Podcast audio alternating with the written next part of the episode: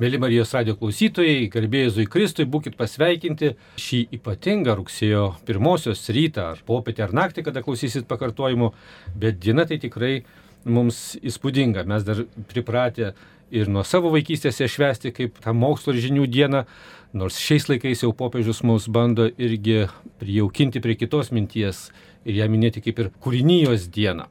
Bet šiandien mes dar ir, kadangi šiais laikais ta rugsėjo pirma mums neišvengiamai susijusi su mokslais, su mokyklom ir taip toliau. Ir šiandien Marijos radio, nežinau, išvalgumas ar pastabumas pasiūlė pasikalbėti šitą dieną apie Mariją Montesori ir Montesori metodą.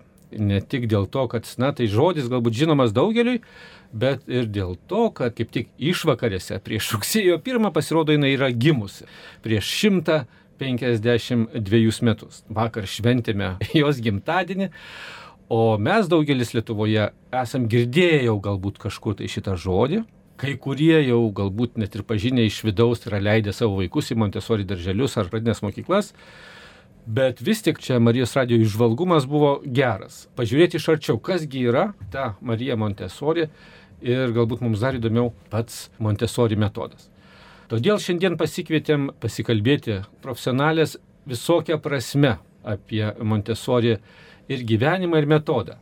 Ne visos jos pedagogės arba ne, ne, ne visai dar Montesori specialistės, bet augančios, kaip ir aš tiesą sakant, nesu joks specialistas, bet didelis mylėtojas Marijos Montesori. Ir pirmiausia, turiu prisipažinti, kad čia turiu, kaip sakoma, didžiulį interesų konfliktą, tai yra ne konfliktą, nes pats visus savo penkis vaikus leidau ir leidžiu į Montesori pradinę mokyklą ir netgi prikišau pirštus, kad ta mokykla jinai auktų ir galbūt vieną dieną išauktų ir į didesnę negu pradinę mokyklą, nes tai, mano supratimu, yra nuostabus dalykas ir nuostabi dovana visiems. Taigi, šiandien mūsų pašnekovės tai yra Raimonda Rusgienė.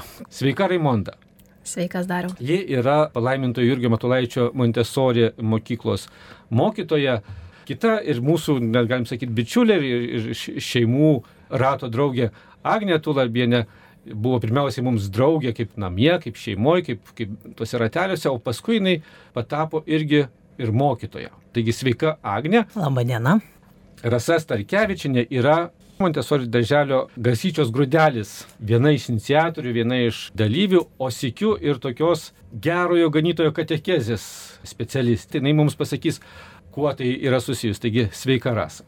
Sveiki paskutinio balso mūsų pašnekovo Marijos radijo tikrai nereikia pristatinėti, jinai puikiausiai jums žinoma, tai Vita Liaudaiskaitė Vaitkevičianė, kuri tikrai yra žmogus orkestras, ne, be to, kad jinai vadovavo chorui, kuris gėdojo kartu su popiežium Santakoj, kad jinai vadovauja visai muzikai Marijos radijui, jinai dar randa šiek tiek laiko ir ateiti į Montesori mokyklėlę su vaikais irgi muziką dirbti. Tai šį kartą gal turėsit neįlinę progą išgirsti apie Vitos požiūrį į ir Montesori, ir galbūt, sakyčiau, labiau į Montesori vaikus. Taigi sveika Vita. Gera Jūs matyti visus čia. Pirmiausia, noriu Jūsų paklausti, kuo Jūs sužavėjo Marija Montesori? Kas yra tie dalykai, kas patraukė jos gyvenime Jūs? Sako, Rasa pirmą pasakys. Marija Montesori aš pažinau per gerojo ganytojo katechezę. Iš kito galo mane sužavėjo labiausia tai jos priemonių paprastumas, unikalumas ėjimas gilyn į vaiką, ne tik tas sausas žinių pumpavimas į vaiką, bet tiesiog ėjimas pagal vaiko prigimti, kad visa tai, ką vaikas gauna, ką pamato, yra labai artima vaiko prigimčiai. Vaikas natūraliai priema tas priemonės ir įsisavina labai lengvai. Man tas atrodė labai be galo nuostabu iš tikrųjų, kad taip gražiai viskas švelniai yra pateikiama vaikui. Ačiū, Rasa. Agne? Aš tapau Montesori gerbėja, kai ieškojom savo pirmagimiui mokyklos. Ir pirmiausia, kas mane sužavėjo, tai kad Marija Montesori matė visumą. Jis žiūrėjo į vaiką ir ten matė taip giliai ir tiek daug. Ta didžiulė pagarba, kurią jautė ir tam vaikeliui, perdodama ir jos knygose, ir jos metodė, ir toj filosofijoje. Ir kuo aš toliau domiuosi, tuo man tas visas metodas skleidžiasi visų tuo gražumu ir ten yra tokie nepriepiami klodai. Ir aukti ir vaikui, ir suaugusiam šalia jo. Ačiū labai. Raimonda, kaip tau? Tu seniausiai, galim sakyti, pažįsti Mariją Montesori. Na, su Marija Montesori aš užaugau pati, nes teko turėti mamytę Montesorininkę. Tai mano kelias labai glaudžiai susijęs su visa šita pedagogika, su visa psichologija. Kas mane sužavėjo pačioj Montessori, kai jau aš pradėjau ją nagrinėti, kai aš pradėjau tyrinėti, kas tai yra, prisiminkim, kad tai yra žmogus iš 20-ojo amžiaus pradžios, 19-ojo amžiaus pabaigos.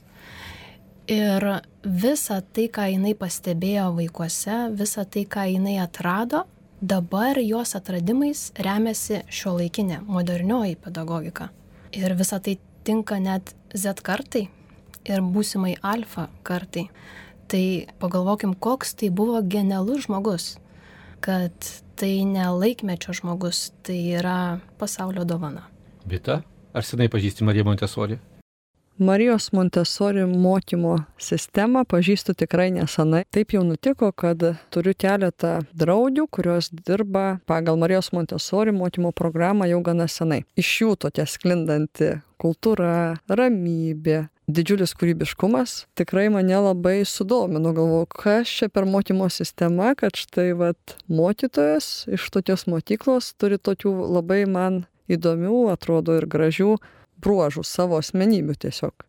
Taigi sužavėjo tiesiog per sutiktų žmonės, patraukė, o paskui pasidarė labai įdomu. Na, jūsų paklausiu, tai aš tada pasakysiu.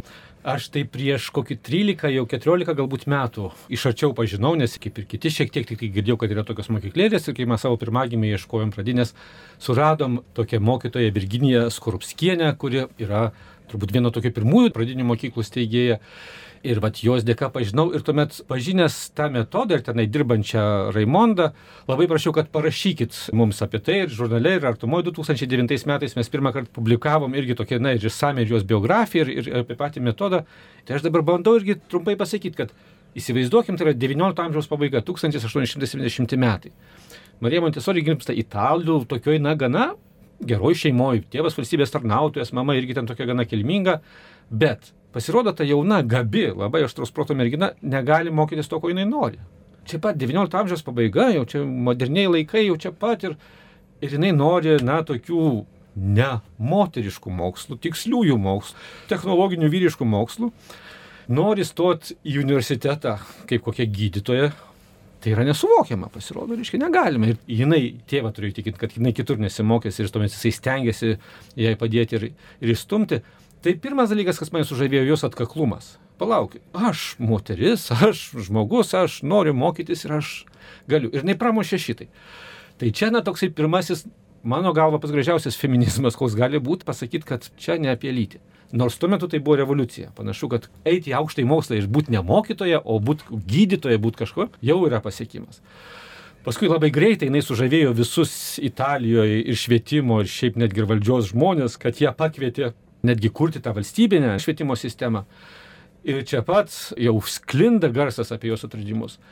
Ir Musolinis net jau valdžioris ją palaiko ir tenai duoda į žalę šviesą ir, ir, ir taip toliau, bet staiga jis supranta vėlgi įtaką vaikams ūkdymo ir jisai nori, kad jinai pagal jo dudelę šoktų. Jinai vaikus irgi, reiškia, ugdytų Musolinio vaikais, tai yra karo vaikais. Jinai pasipriešina ir bėga iš Italijos, ta prasme, pasitraukia, kad, kad nereiktų dirbti tai pasklinda dar labiau po pasaulį. Tas jos atkaklumas ir stovėjimas už tiesą, už tai, gal. Tuomet jau sužavėjo, kaip po tiek metų, ar ne, vis tiek per jos metodą, per jos mokinius jaučiasi jos ta pagarba ir pasilinkimas prie vaiko. Tai tas man labai gražu, kad jinai tiek būdama didi, stipri, kovodama su pasauliu, iškai gali nusileisti iki vaiko ir, ir būti jo lygyje. Tai mane tas vat, irgi jos gyvenime kažkaip labai sužavėjo. Pasakykit, kas Montessori metodai yra specifiškiausio, nebūdingiausio, kuo tai yra įdomus, vertingas, naudingas dalykas. Jūs jau šiek tiek irgi apie ją kalbėdamas paminėjot, na, kad tai susiję ir jos gyvenimas, ir, ir jos metodas, bet kokie vat keli aspektai galbūt yra svarbiausi, arba, arba du, arba nežinau, vienas svarbiausias, kas padaro, kad tas metodas yra išskirtinis Montessori. Tai svarbiausia turbūt tai yra savarankiškumas. Vaikas gali rinktis ir mokytis pats ir mokytis taip, kaip jam leidžia jo jėgos, savo ritmu, savo nuotaika ir prisimdamas tuo pačiu dar atsakomybę. Taip, Agnė, tu apibūdintum. Marija Montessori, stebėdama vaikus, labai aiškiai nustatė, kokie požymiai apibūdina va, tam tikrų amžiaus vaikus, ar ne? Ir, pavyzdžiui, nuo 0 iki 6 metų vaikai mokosi vienokiu būdu, 6-12 kitokiu ir taip toliau. Ir pagal šitos jos stebėjimus jinai va, siūlo, ar ne, kaip, kaip tas suaugęs žmogus, mokytojas gali būti šalia tų vaikų ir kaip jiems padėti mokytis. Dažnai girdim, kad labai svarbi yra Montessori mokyme aplinka. Kas tai yra? Ar čia labai svarbu įrengti kažkokius ypatingus kabinetus, kažkokią tai erdvę, pridėti žaisliukų ir panašiai. Kas yra ta Montessori aplinka ir kodėl jinai tokia svarbi? Montessori vadina tai paruošta aplinka. Tai reiškia, mokytojas turi nepaliauti nuolat kurti ir ruošti aplinką, kuri atstotų visus vaikų poreikius. Ji turi stebėti vaikus ir paruošti tokią aplinką, kad vaikas galėtų joje savarankiškai mokytis. Ką reiškia paruošta aplinka? Tai yra gausybė priemonių, kuriomis vaikas būtent ir išmoksta.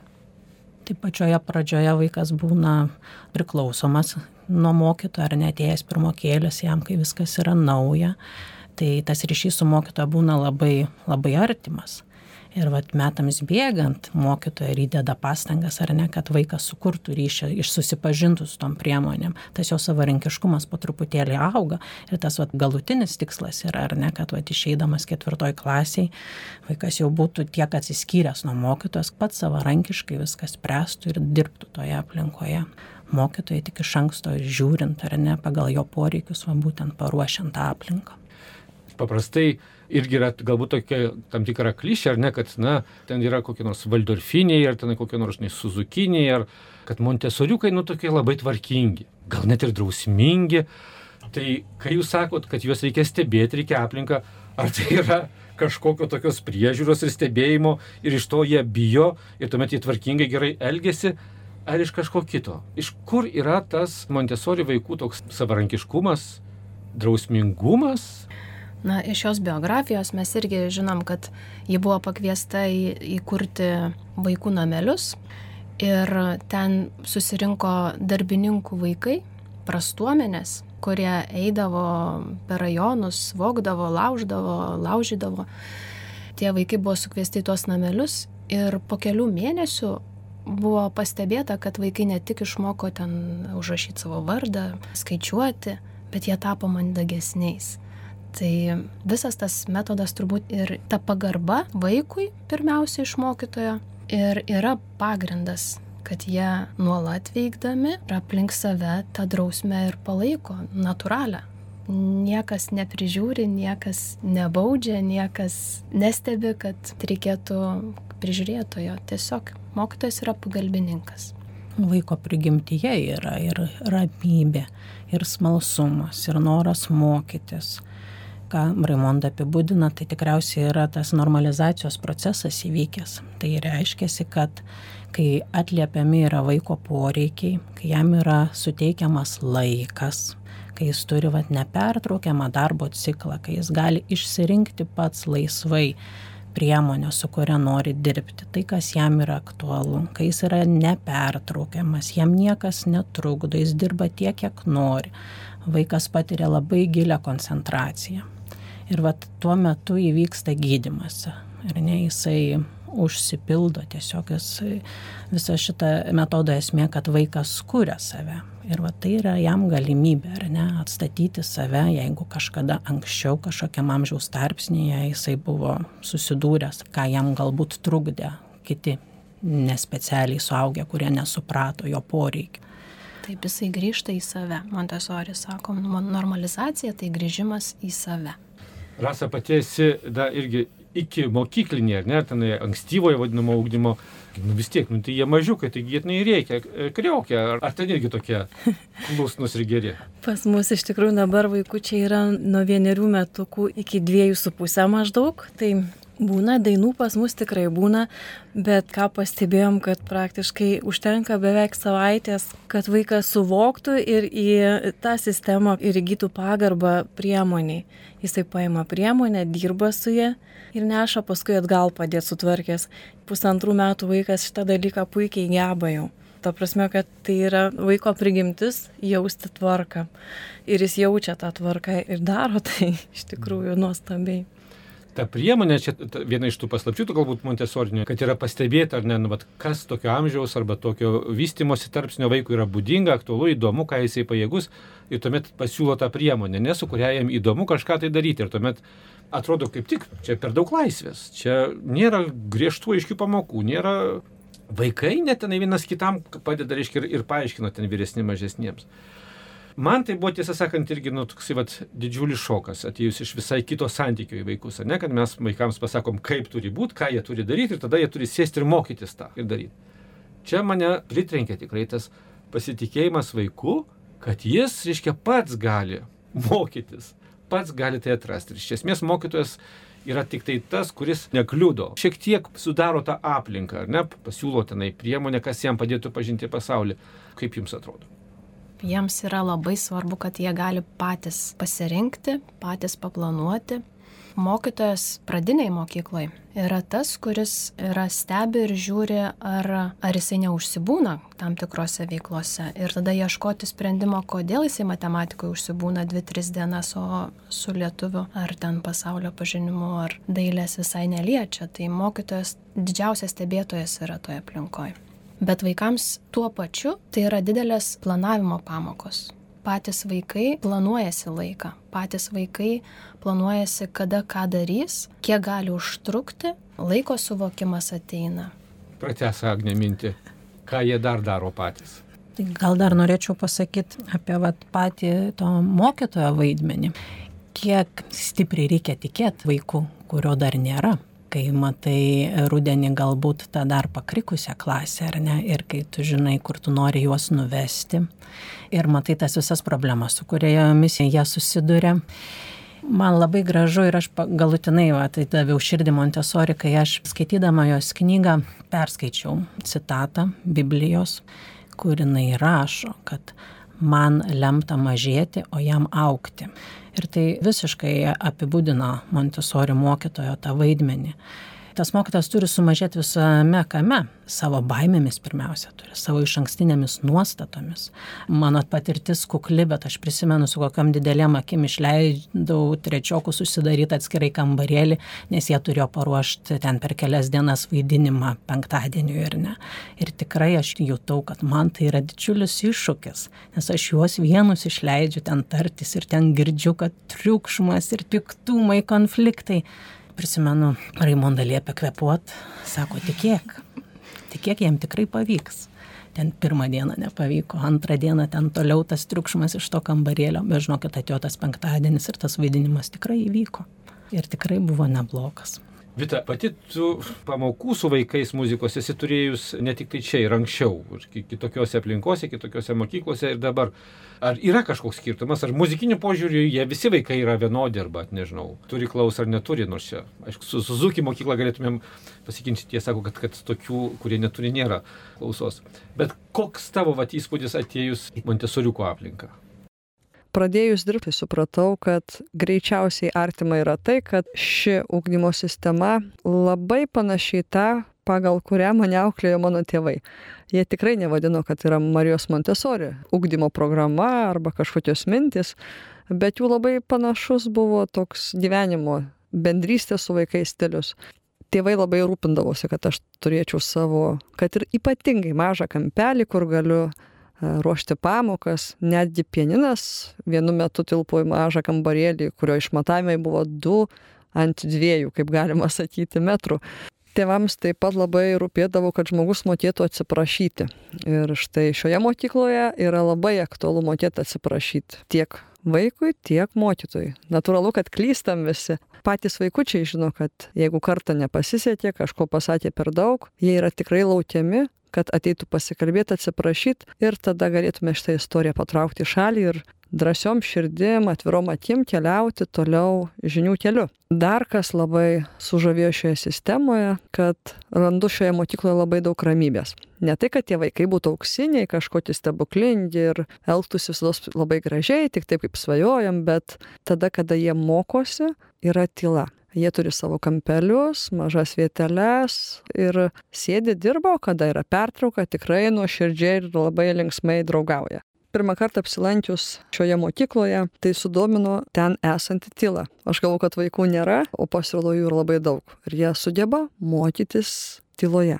Čia yra galimybė į pamoką žvelgti kūrybiškai. Jeigu yra šiandien lietus, mes galime tikrai pakeisti numanytą programą, kur buvo tam tikros temos ar dainos ar sugalvoto solfedžio užduotis taip toliau, mes galim pakeisti. Šiandien lietus, padainuotim dainą apie lietų. Paieškokim garsų, kaip skamba lietus. Net tai nebūtinai natos bus, gali būti kažkoks šiurenimas, barbenimas į, į stalą. Gali žvelgti kūrybiškai ir nebijot pakeisti tam tikrus elementus arba nukelt net keletą dienų į priekį. Tai mane ypatingai žavi ir išlaisvina iš tokios kažkokios baimės, gal nespėsim laiku, neįvykdysim tam tikrų normų ir taip toliau. Šioje mokykloje nėra skambučių. Vaikai žino, kada pradėti pamoką ir iš tam tikrų ženklų ir mokytojos žodžių, beje, dažniausiai gana tylių, jau žino, kad baigėsi darbo laikas ir dabar tikrai eitim į užtarniautą pertrauką. Kas yra labai žavu, kad yra iš vaikų sklindanti akivaizdi pagarba mokytojui. Žinoma, tai nebūna stebuklai, kad atėjau šią mokyklą taip atsitiko. Ta pagarba ir išraiška viso šito yra natūralu, kad perimta iš pačio mokytojo. Jo elgsenos, jo žodino, jo emocijų. Ta graži bendrystė mokytojo ir vaiko, tai man iš vis buvo atradimas, kur, wow, ar tikrai taip būna. Labai įdomus dalykas yra, kad pamokose aš galiu irgi kurti tam tikras temas, sujungiant su jų pamokų temomis. Tai pavyzdžiui, jeigu sužinau, kad štai ten už sienos jie šią savaitę kalbėjo apie varles ir išgirdau ir atėjau klasę ir atėjo vaikučiai ir sako, mes mokymės apie varlę, o gal gali padainuoti apie varlę. Ir tada mes galim tikrai pasitraukti planus, kurie buvo prieš tai, o štai šiandien padėdoti, padainuoti apie žalę varlę ir panagrinėti, kokius garsus įleidžia, kokiu ritmu galbūt šlepsi, par sugeba bėgti. Tam yra ir ritmo pratimai, ir kitos muzikos pamokai tinkančios veiklos. Tai labai būna smagu, tada jie ateina nupiešę varlę, dar parodo, kaip piešia, tai mes labai galim tą ir pratesti. Taigi labai smagu kurti su vaikais. Ir kas dar labai aišku man artima, kad visoje mokymo sistemoje yra puoselėjamos krikščioniškos vertybės. Tai iš tikrųjų man yra labai brangu ir būna labai geras su vaikais ruoštis mišioms, mokintis giesmių, kalbėti apie tekstą, apie tinkamą stilių giesmėms, nedainoms. Tai iš tikrųjų būna tokia kūrybai didelė erdvė. Aš irgi taip suprantu, kad ta pagarba, kurie vaikai gerbė savo mokytojus, yra iš to, kaip tie mokytojai elgesi su jais, iš tos jų pagarbos, kantrybės. Tai, ką jūs nekat, irgi man dabar priminė iš mano pirmų vaikų, jos kantrybė, kad tie vaikai pradės suprasti, pradės mokytis. Ir ta kantrybė gali trukti netgi ne mėnesį. Kartais jinai trunka tenai metus ir antrus. Ir jinai sako, palauk, bet jisai, pavyzdžiui, trečioji klasiai pradės tikrai labai rimtai ir atsakingai mokytis. Ir tu žiūri, kad tas, kuris atrodo, nu tikrai, žinai, jisai atrado, jisai išlaukė, bet jisai tuomet prisimė atsakomybę. Ir aš dabar, kai matau ir savo arba kitus vaikus, kurie išeina iš čia, kaip galbūt dažnai sakoma, nu jie čia iš šiltnamio sąlygų išeina, žinai, tenai paskui žiaurė realybė. Bet kas man yra labai žavu, kad tai išeina vaikai su labai didžiulė atsakomybė. Kad jie supranta, kad niekas kitas, ne mokytojų skauda, net ne kokie nors, žinai, pažymių knygeliai įskauda, kad jinai bus blogai, bet, nu, aš tiesiog pats už tai atsakysiu. Ir tada kad jūs per šitą kantrybę ir pasitikėjimą vaiku, juose pagimdote šitą suvokimą, kad jie patys atsakingi už savo veiksmus, už savo gyvenimą galiausiai. Tai yra didžiausias dalykas. Nu, vienas iš didžiausių dalykų, ką galim išmokyti, perduoti vaiko gyvenime, kad jis pradeda prisimti atsakomybę. Tai čia yra nesuvokiama. Kitas svarbus dalykas, kurį mes dar turim paliesti, ir ne čia ir Marijos radijas, ir Biblijos citatai, ir, ir gerojo ganytojo katechezė. Tai kaip yra su katalikiškumu, ar ne, Montesori metodo. Ir, ir tai, ką paminėjo Rasa, kad čia irgi yra susiję tie dalykai. Atsimenu iš tos mūsų pirmosios patirties, toj mokykloje, nu, kuri formaliai tenai nėra kažkokia tai nei bažnyčios steigta, yra nu, privati, bet kaba mažas gražus kryžiukas. Jis yra, jis labai nepretenzingas. Ir tu supranti irgi tą buvimą, Kristaus dvasios, to krikščioniškumo tokį buvimą, nepretenzingą, nedeklaratyvų, bet tokį esminį. Rasa, pasakykit mums, kaip tenai yra su gerojo ganytojo katechezė ir su Montesori katalikiškumu, ar ne? Nes, nes ir tą patį darželį, kurį jūs pradėjot, garsyčios grūdelį, jūs irgi vadinat katalikiškų darželiu, šitą Montesori mokyklą irgi palaiminto Jurgio Matulaičio vardu vadinasi, nors irgi nebūtinai tai kažkokia tai vat, formaliai katalikiška, bet Kaip yra čia, ar ne? Jo labiau, kad ne, tai, tai nėra kažkoks, tai, vat, na, bažnyčios produktas, ar ne? Tai yra iš, iš konkrečios Marijos Montesori gimęs metodas. Kiek aš esu girdėjus ir susidūrus, tai Marija Montesori, jinai šiaip labai dvasingas žmogus buvo iš savęs. Ir manau, kad tai yra labai svarbus aspektas. Ir kadangi pas mus tie mažieji yra nuo metukų laiko, mes bandom tą katalikiškumą jiems į kasdieną įdėkti, kad jie su tuo gyventų, auktų ir kad jų net baidytų įimas į koplyčią, net baidytų malda, giesmės, Žinau, kad jūs ir koplyčią vadinat kitaip, toksliau tai yra ne koplyčia, bet ta vieta vadinasi. Ne, mes žinokit, turim koplyčią. Mes įsikūrę esam vienuolyną, seserų elžbietiečių vienuolynė ir jos turi koplyčią ir mes ją naudojamės. Tai gerojo ganytojo katechezės patalpa vadinasi atriumas. Atriumas dar pas mus neveikia darželėje, nes jie mažyčiai dar kol kas yra, bet yra planas jau su vyresniais, tai dirbti ir atriumą. Taip. Mhm. Tai va, tai mums tas dvasinis ligmuo iš tikrųjų yra svarbus ir, ir kažkaip norisi ugdyti nuo mažumės, auginti vaikus tame.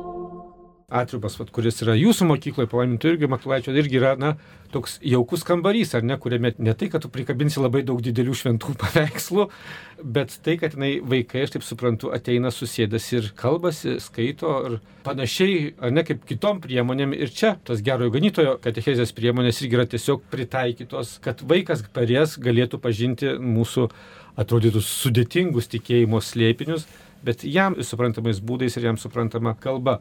Esu girdėjęs, kad Marija Montesorė ne iš pradžių draugavo, bet paskui susipyko su Musoliniu, bet panašu, kad popiežius yra prašęs jos, kad ji irgi ir bažnyčioje prisidėtų prie katalikiško švietimo koncepcijos kūrimo, ar ne, kas, kas tai galėtų būti. Ir kad jie tiesiog nesuspėjo, ar, ar tai neįvyko, ar, ar tu ką nors apie tai žinai mano žiniomis tai buvo popiežius Pijus XI, kuris mums lietuviams yra ypač brangus, nes tai yra toksai akilerati, kuris yra buvęs čia Lietuvoje prieš tai. ir kuris dar yra labai brangus mums dėl to, kad jis labai gerai pažinojo palaimintą Jurgį Matulaitį ir kuris buvo pirmasis popiežius, kuris pripažino, kad tai yra šventas žmogus, nes jis jį pažino ir Lietuvoje būdamas, ir, ir visą jo sunkų kelią Vilniuje ir išeimą iš Vilnius ir atsiuntimą jis į čia siuntė į Kauną. Ir man tas buvo labai žavu jau sužinoti, kad, kad popiežius Pijus XI taip susisėjęs su Marija Montesori, o beje, jie ir gimė yra beveik tuo pačiu metu ir, ir tėvas Jurgis, ir, sakytume, motina Marija Montesori yra visiškai vienmečiai tenai, pusmečio skirtumo, ne, kad tai yra vat tos epochos žmonės. Dar negaliu nepaklausti apie tėvų vaidmenį, apie tą namų aplinką. Man labai priminė ir Vaida Liksnevičinė, jūsų irgi kolegė iš darželio Garsyčios grūdelis. Jis mums dabar parašė į artumą straipsnis rugsėjo artumoje. Būtent apie tai, kaip mes, tėvai paprasti, namie galim irgi būti Montesori ugdytojais. Vaida sako, čia paneigia vieną tokį mitą, gandą, kad Montesori metodas yra labai brangus. Nes, sako, jinai brangus jis yra mokytojams, nes mokytojams yra labai dideli kvalifikavimai keliami ir, ir kol jie praeina savo visos mokslus, jiems kainuoja. Bet, sako, priemonių namie jūs pilna turit. Ir jin papasakojo tokį epizodą, kaip sako, vaikystė aš visiškai nepažinojau nei Montesori metodo, nei jos pačios, bet prisimenu labai puikiai, kaime, kai buvau pas močiutę, nebuvo jokių žaislų, bet man būdavo labai įdomu. Visas atostogas aš su tokiu įdomu praleisdavau, nes supratau, kad jinai iš tiesų su manim labai montesoriškai elgėsi. Ji man duodavo darbus, kuriuos jinai darė, bet tik tai man pritaikydavo. Mes galėtum daryti tai, ką aš galiu, bet, bet iš to gyvenimo, sako, prisimenu, kad tai buvo labai nuostabu. Ir supratau, kad tai yra labai montesoriška. Ir štai sako, kaip aš suprantu, kad mes irgi kaip, kaip tėvai galim būti montesoriški. Agne, tu irgi esi dabar kaip ir mama ir, ir kaip mokytoja Montesorė. Ar tu matai, kad tai yra iš tiesų mums vertinga irgi namie būti tais montesoriškais ir ką tai reiškia, kaip mes jais galėtumėm būti. Turiu vieną labai paprastą patarimą. Tėvai, kokioje be amžiaus beaugintumėt vaikelį, kai matote, kad jis yra užsijėmęs ir daro savo darbą, susilaikyti nuo bet kokių komentarų, nuo bet kokių pasidžiaugimų, pašūkavimų, įsiterpimo būkit ramiai šalia, netrukdykit vaikui, kai jis pabaigs tą darbą ar ne, va tada aptart, jeigu norės ar ne vaikelis, tada džiaukitės, nes mes patys va, suniokojam vaiko tą koncentraciją. Būkim pagarbus savo vaiko veiklai. Ir kitas dalykas yra labai svarbu pastebėti, tėvam būti tokiems pasiruošusiems pamatyti, kas tam vaikui šiuo metu yra aktualu. Tai vadinasi jautrieji periodai ir jeigu tą periodą pastebi, tai reiškia, kad tuo metu vaikas labai lengvai išmoks, pavyzdžiui, kopti laiptais. Aš kaip dabar prisimenu Šilovoj rekolekcijos su savo dukrytė, mažutė. Ir jinai nusprendžia, kad jai yra mokymosi kopti laiptais. Ir reiškia, kad aš rekolekcijas leidžiu laiptinėje. Jeigu aš neturėčiau tų žinių, ar ne kas čia vyksta, taigi išprotėčiau ten mano visa bendruomenė, visi draugai, įdomiausia paskaita klaus, o aš čia leidžiu laiką ant tų laiptų.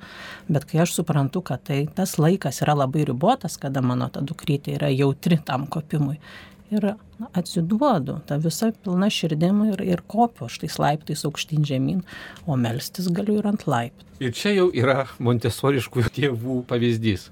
Aš dar vieną patarimą galiu pasidalinti. Leisti vaikams nuobodžiauti nes Montesori sako, kad per nuobodžiavimą jis atranda savo ką veikti. Jeigu tėvai visą laiką pateiks kažką veikti, galvos, vaikas visiškai sustos kūryboje, saviaugdoje, tai leiskit nuobodžiauti. Aš ne vieną esu mačiusi klasėje, nuobodžiai slampinėjantį, Montesori taip sako, slampinėjantį klasėje, kol susiranda ką veikti susiradęs ką veikti, jisai įninka į tą darbą, kaip ir Agnė sako, ir tada reikia jau netrukdyti. Tie, kas turim dabar irgi mažesnių vaikų, žinom, tą baisų į ką veikti. Bet kas yra įdomiausia, kad tas ką veikti, kada jis ateina, nu, nežinau, kada jūsų namuose, bet mūsų namuose, tuomet, kai ten pasižiūri kokį nors filmuką, arba ten pasėdi prie kokio nors ekrano ir paskui jau reikia atšokti nuo jo, tai tada ateina tas momentas baisusis, kad kažkaip atšimpa jautrumas. Ne? Ir jeigu išlaikai šitą momentą ir, nu ką, nu susiraskit, ką veikti. Tai tikrai paskui iš tiesų jie tenai taip įninka, kad, kad ten galiu jų dieną ar pusdienį tikrai nematyti. Tai ačiū, aš dabar irgi dar tą atsiminsiu, nebuvau pagalvojęs, kad čia irgi šita nuobodybė yra montesoriškas dalykas. Ras ar pati e, irgi pastebi, nu, turbūt ypatingai tam ankstyvajam periode, net nuo 0 iki 3 yra ta galimybė tėvams būti montesoriškais, ne dėl to, kad mes turim būti montesoriškais, bet dėl to, kad tai padeda vaikams. Tai be abejo, tai visas tas pats vystimasis yra, aš tik manau, kad pats pagrindas yra nuo 0 iki 6 tame tarpsnėje tai, ką vaikas pasijama tuo metu. O tėvai turi pastebėti aš net nebejoju, kad pastebi, kas yra vaikui tuo metu svarbu. Net galbūt tėvai net nesuvokia, kad tai yra Montessori principas. Bet nu, natūraliai tu matai, kad vaikas ima šaukštą, duodi jam šaukštą, bando pats kabinti, tu duodi jam kabinti. Aišku, gazdina ir ta netvarka, ir tas purvas aplinkui paskui, bet leidi vaikui patirti. Tie potyriai iš tikrųjų labai svarbus. Ir balošlapumas, ir, ir, ir maisto karštumas iš tikrųjų. Tai, ką vaikas savo kailių patiria, yra neįkainojami dalykai iš tikrųjų. Nežinau, kiek jums, bet aš tikrai esu girdėjęs, vos susipažindamas su, su Montesori, kad, na, čia greičiausiai metodas yra neįgaliesiems vaikams su kokiais nors neįgalumais ar su trūkumais, nesgi ir Montesori, tiesą sakant, pradėjo nuo neįgalių vaikų Ir tuomet jinai kažkaip pastebėjo, kad jeigu jinai negalė turintis kažką padaro, tai kodėl sveikieji vadinamieji negali padaryti. Ir vienas iš tų buvo jos atradimų. Taigi patvirtinkit ar paneikit, ar tai na, neįgaliems skirtas metodas ar visiems. Marija Montesori, baigusi psichiatrijos mokslus, pirmus savo darbo žingsnius pradėjo būtent psichiatriniai ir pastebėjo apleistus ten vaikus. Greičiausiai yra manoma, kad ten buvo ligonių vaikai, tiesiog laikomi tenai. Ir jis stebėdama juos suprato, kad su jais reikia kažką veikti. Veikdama pastebėjo, kad tie vaikai puikiai geba, puikiai daro.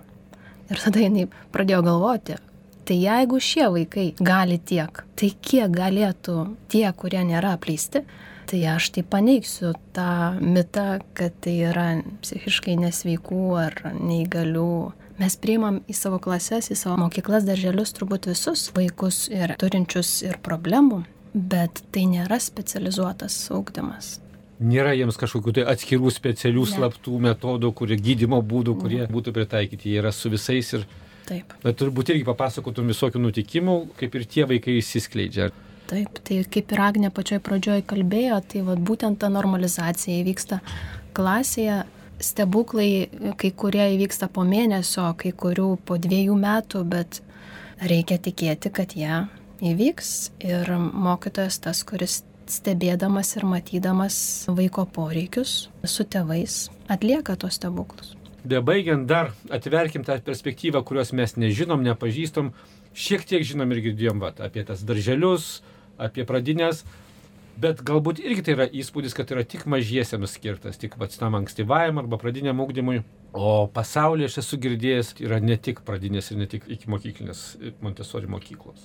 Ar tai yra realybė, ar tai yra įmanoma? Taip, yra nuostabių mokyklų, kurios yra nuo pat nulio iki pat universiteto. Ir tos mokyklos būtent vyresniems yra Montessori siūlė fermos tipo mokyklas, nes tame amžiuje nuo 12 iki 18 metų vaiko tarpsnis yra jisai paauglystė sunkioji ir jis pradeda mokytis būti visuomenės dalimi. O visuomenės dalimi gali tapti tik tada, kai tu gali kažką daryti dėl visuomenės. Tai reiškia, kad aš ne tik tai mokykloje mokausi akademinių dalykų, bet dar ir mokausi tokių dalykų, iš kurių aš galėsiu uždirbti. Tai tokios mokyklos turi didžiausius sodus, kur vaikai renka rudenio obolius, veža į turgų, parduoda, skaičiuoja pelną, už pelną kažką perka. Tai yra gyvenimo mokyklos. Tai yra paruošimas išeiti į gyvenimą. Ir Montesori sakė, kad kadangi tame tarpsnėje vaikas pereina į suaugusįjį, jis yra pasimetęs, todėl jinai siūlė mažinti akademinių žinių kiekį, bet būtent didinti gyvenimo mokyklą pamokas. Tai mes labai norėtumėm tokias mokyklas ir Lietuvoje.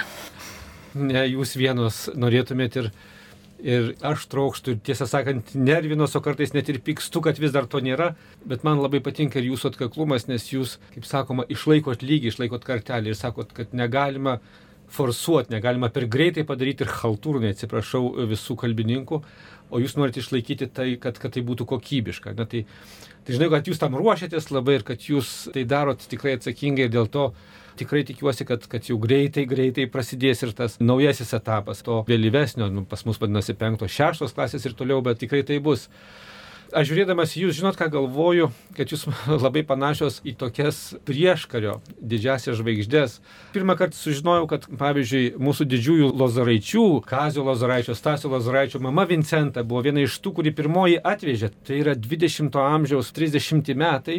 Tas Montesori idėjas, kurios jau buvo labai stipriai paplitusios Italijoje, bet dar nebuvo viso pasaulinio, bet tai va čia pat, tai sklido ir jau buvo Lietuvoje Montesori darželiai, moky, pradinės, nežinau, bet, bet jau buvo tos idėjos ir Ir va šitos šviesios ponios jos šitai darė. Ir aš taip tikiuosi ir įsivaizduoju, kad, kad ir lozoraičiai išaugo tokioje montesorinėje aplinkoje ir, ir paskui dėja, kaip ir musoliniui netiko, taip ir aišku sovietiniam šitam lageriui, šitam baisiam kalėjimui netiko šita sistema ir aišku jos, jos visos ir tos mokytojus išvažiavo, bet panašu, kad Amerikoje išlaikė, ar jungtinėse, ar, ar, ar Kanadoje išlaikė ir paskui Lietuvai jau atgavus nepriklausomybę parvežė atgal tą išlaikytą Montesori grūdą ir čia vėl sodino ir ir Domicelė Petrutytė, kuri irgi turbūt pirmosios aš jos knygą perskaičiau prieš Montesorį pažindamas, kuri pabandė čia į Lietuvą parvežti ir čia minėta Virginijos Kurpskienė buvo viena iš tų pirmųjų, kurios tai gražino. Tai man jūs dabar irgi panašios į tas, kurias tęsit ir dar jo labiau, kad yra ką auginti. Ačiū Jums labai, auginkit. Ir dabar pabaigai dar Vitai žodis, nes jinai užbaigs su viena giesmelė, ne jinai dainuos, jinai tik tai parodys, kaip jinai su tais Montesori vaikais čia, čia Ką Marijos radijui išdarinėjo ir, ir visai nesenai įrašė kokią tai dovanėlę. Kaip jau minėjau anksčiau, Marijos Montesori ugdymo sistema yra labai atvira kūrybai. Taip ir nutiko, kad su vaikais atradę vieną kitą kūrybišką minutę, pradėjom viską nors kurti. Dainelė apie tą, dainelė apie kitą. Ir natūralu, kad atsirado poreikis įprasminti palaimintojo Jurgio Matulaičio šūkius, nes ši mokykla yra palaimintojo Jurgio Matulaičio Montesori mokykla. Taigi įvairūs šūkiai įprasmino save ir muzikos akorduose ir atsirado nugalėti blogį gerumu, kiekvieną priešą padaryk draugu ir taip toliau. Taigi kartu su vaikais sukūrėme melodiją, vėliau akompanimentą prisitaikėm ir turim štai dabar taip galima pavadinti, kad mokyklos himną. O įrašymo jo istorija buvo tokia irgi išskirtinė. Per vieną dieną pagavom įkvėpimą, kad štai ryte išleistuvės, vakare išleistuvių šventė bus ir tą pačią dieną sakom, o gal bėgam aplankyti Marijos radiją ir sudėdoti giesmę, kuri tikrai vėliau pravers ir radio eteriui, kalbant apie palaimintą Jurgį Matulaitį, o ir žinoma bus patiems smagu turėti kažkokį įrašą, kuris užfiksuos tai, kas buvo sugalvota. Taigi atėjom apsilankėm lygiai šitoj įrašų studijoje, įrašėm tai, kas buvo sukurta labai nesenai ir tiesiog buvo įrašas karštas, e, jau išgirstas vakare išleistuvių šventėje. Tai gera kurti ir stebėti blizgančias ir labai žingeidžias vaikų akis, kurie, jeigu pagavai už tą nuotaiką, tai iš tikrųjų gali didelius stebuklus padaryti.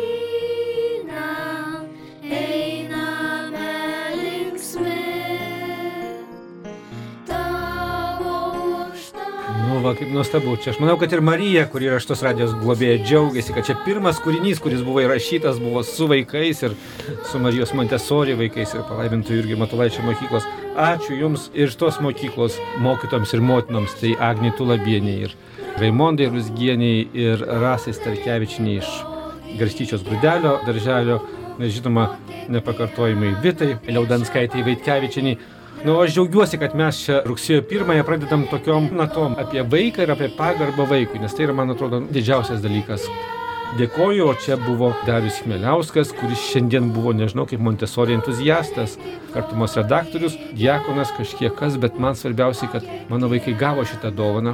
Norėčiau, kad ta dovana Montesori metodų kuo daugiau vaikų ir mūsų tėvynė pasinaudotų. Likite laimingi su Dievu. Sudė. Sudė.